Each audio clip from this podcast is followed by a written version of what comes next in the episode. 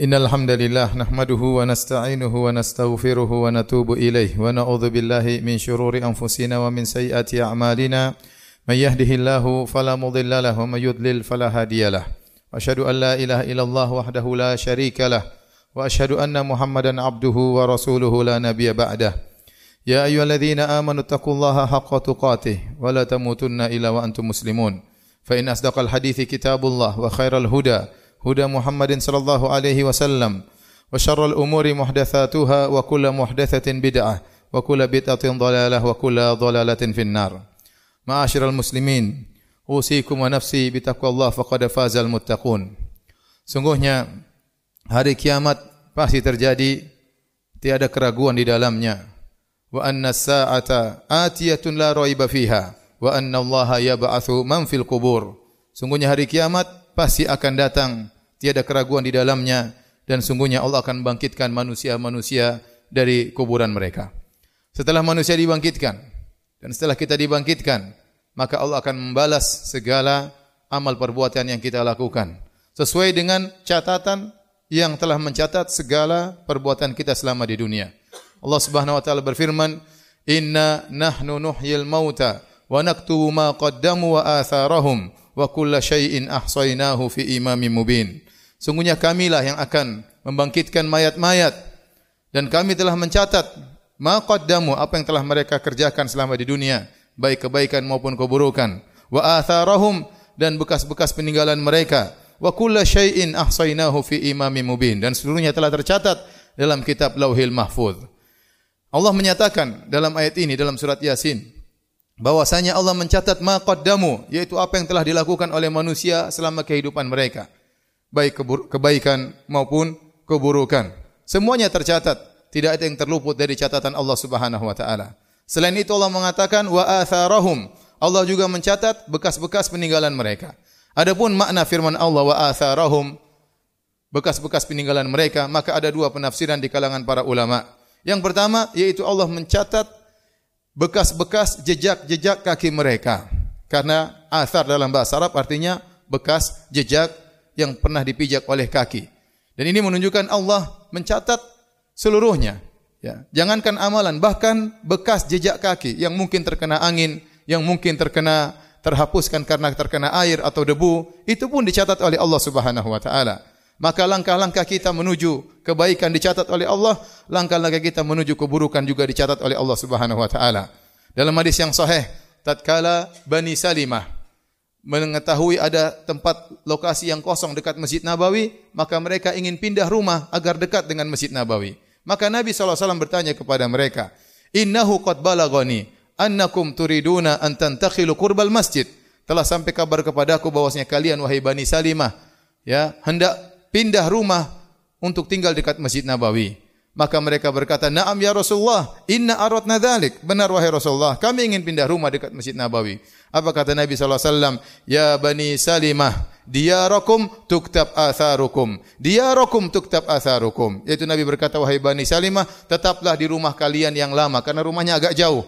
Kalian berjalan kaki menuju Masjid Nabawi, dicatat jejak kaki kalian pulang dan pergi." Sehingga Nabi tidak menganjurkan mereka untuk pindah rumah dekat Masjid Nabawi. Ini menunjukkan langkah kaki seorang menuju masjid, pulang dan pergi dicatat oleh Allah Subhanahu wa taala. Allah juga berfirman tentang para, para mujahidin dalam surat Taubah kata Allah Subhanahu wa taala, "Wala yaqta'una wadiyan illa kutiba lahum." Tidaklah mereka melewati lembah-lembah dalam perjalanan mereka, baik pergi menuju peperangan atau pulang dari peperangan kecuali dicatat amal soleh bagi mereka. Nah, kalau bekas kaki dicatat oleh Allah Subhanahu wa taala, bagaimana lagi dengan amalan yang dilakukan oleh seseorang? Apalagi perkataannya, apalagi perbuatannya, tentu dicatat oleh Allah Subhanahu wa taala. Maka seorang waspada, jangan dia melangkahkan kakinya menuju kemaksiatan karena langkah kakinya menuju kemaksiatan, safarnya menuju tempat jauh untuk bermaksiat, semua tercatat di sisi Allah Subhanahu wa taala dan tidak ada satupun yang terluputkan. Oleh karenanya, saya ulangi lagi, kalau bekas kaki dicatat apalagi amalan seorang. Allah Subhanahu wa taala berfirman tentang perkataan Luqman kepada putranya, "Inna ya, ya bunayya innaha in takum mithqala habatin min khardalin fatakun fi sakhratin aw fi samawati aw fil ardi ya'ti biha Allah. Inna Allah latifun khabir." Wahai putraku, kata Luqman kepada putranya, Seandainya ada satu amalan yang beratnya seberat biji sawi, kecil. Fatakun fi sakhratin. Kemudian amal tersebut atau biji sawi tersebut tersembunyi dalam suatu batu yang besar. Tidak ada yang lihat dalam batu tersembunyi. Au fis samawat atau berada di ruang angkasa sana. Au fil ardi atau terbenam dalam bumi. Ya'ti bihallah, Allah akan datangkan. Oleh karenanya amal apa pun yang kita lakukan, sekecil apa pun, meskipun kita sembunyikan, meskipun kita tutup rapat-rapat, baik itu amal kebajikan maupun amal keburukan, akan Allah hadirkan pada hari kiamat kelak. Ini tafsir yang pertama dari atharakum. Kemudian tafsir yang kedua, anaktubu ma qaddamu wa atharahum tentang atharahum yaitu maksudnya adalah apa-apa yang terjadi karena sebab seseorang, baik kebaikan maupun keburukan. Seseorang terkadang gara-gara dia timbul banyak kebaikan. Maka meskipun dia sudah meninggal dunia, kebaikan tersebut masih berjalan, maka dia terus akan menerima pahala dari kebaikan-kebaikan yang muncul karena sebabnya. Oleh karenanya Nabi SAW bersabda, Man sanna fil islami sunnatan hasanatan, falahu ajruha, wa ajru man amila biha min ba'dihi. La yang kusumin ujurihim syai.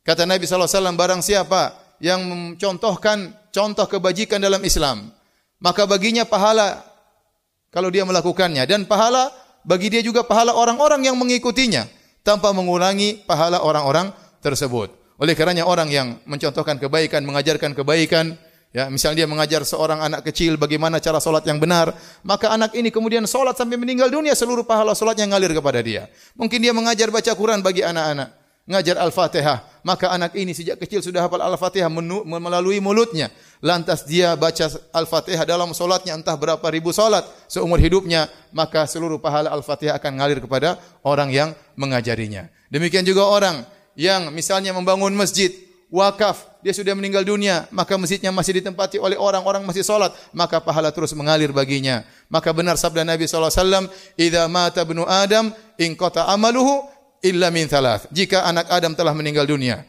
terputus amalannya kecuali dari tiga perkara. Sedekahun jariyah, sedekah jariyah, maksudnya wakaf. Ya. Apakah dia wakaf buku? Apakah dia wakaf masjid? Apakah dia wakaf uh, rumah untuk anak-anak yatim? Ya, wakaf. Apakah dia bangun gali sumur sehingga airnya terus mengalir, ya? Apakah dia wakaf ilmu, ya? Maka terus mengalir baginya. Sadaqatun jariyah, ilmu yuntafa'u bihi, ilmu yang bermanfaat, ya. Dia berdakwah, kemudian dakwahnya didengar oleh orang, orang banyak mendapat hidayah, ya, atau dia menulis buku-bukunya, ya. Dia sudah meninggal dunia, bukunya masih dibaca oleh orang sebagaimana para ulama. Mereka telah meninggal mungkin ratusan tahun yang lalu, mungkin ada seribu tahun yang lalu tetapi buku-buku mereka masih dibaca, dimanfaatkan oleh manusia hingga saat ini. Kemudian waladun salihun yad'ulahu, anak soleh yang mendoakannya.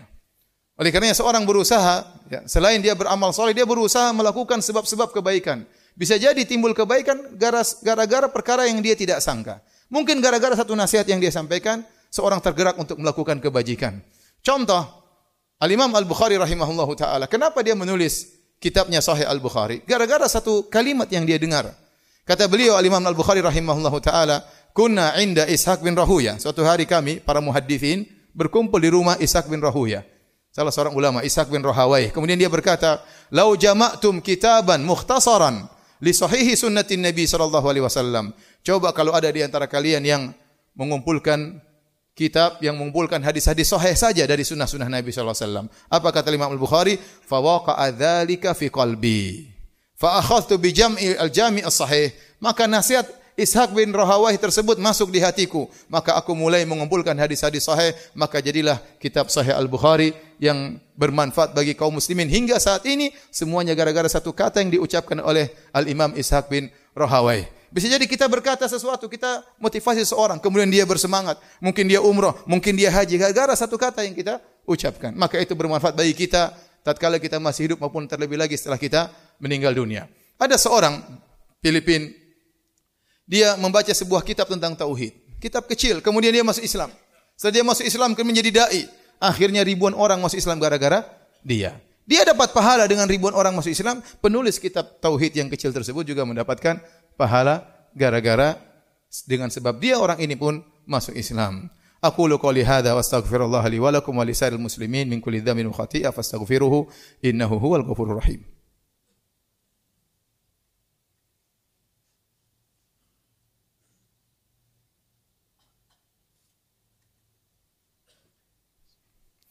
Alhamdulillahi ala ihsani wa syukru lahu ala taufiqihi wa amtinani wa asyhadu an la ilaha illallah wahdahu la syarika lahu ta'dhiman li sya'nihi wa asyhadu anna Muhammadan abduhu wa rasuluhu da'ila ridwani. Allahumma salli alaihi wa ala alihi wa ashabi wa ikhwani. Hadirin ma'asyiral muslimin sebagaimana seorang setelah meninggal bisa dicatat kebaikan terus yang mengalir, sebaliknya seorang setelah meninggal di kuburan bisa jadi dosa terus mengalir kepadanya. Sebagaimana ada pahala jariah, ada juga dosa jariah. Oleh karenanya Nabi SAW bersabda, "Wa man sanna sunnatan sayyi'atan falahu wizruha wa wizru man amila biha min ba'dihi min ghairi an yanqusu min ujurihim min an yanqusa min ujurihim syai'." Kata Nabi sallallahu alaihi wasallam, barang siapa yang mencontohkan contoh yang buruk bagi dia dosanya dan dosa orang yang mengikutinya sampai hari kiamat tanpa mengurangi dosa-dosa mereka sama sekali. Nabi SAW juga pernah bersabda, "Ma min laisa min nafsin tuktalu zulman illa kana li ibni adam al-awwal kiflun min damiha. Li'annahu awwala man sannal qatl. Kata Nabi SAW tidak ada satu jiwa pun yang terbunuh dengan kezaliman. Kecuali anak Adam yang pertama juga dapat dosanya.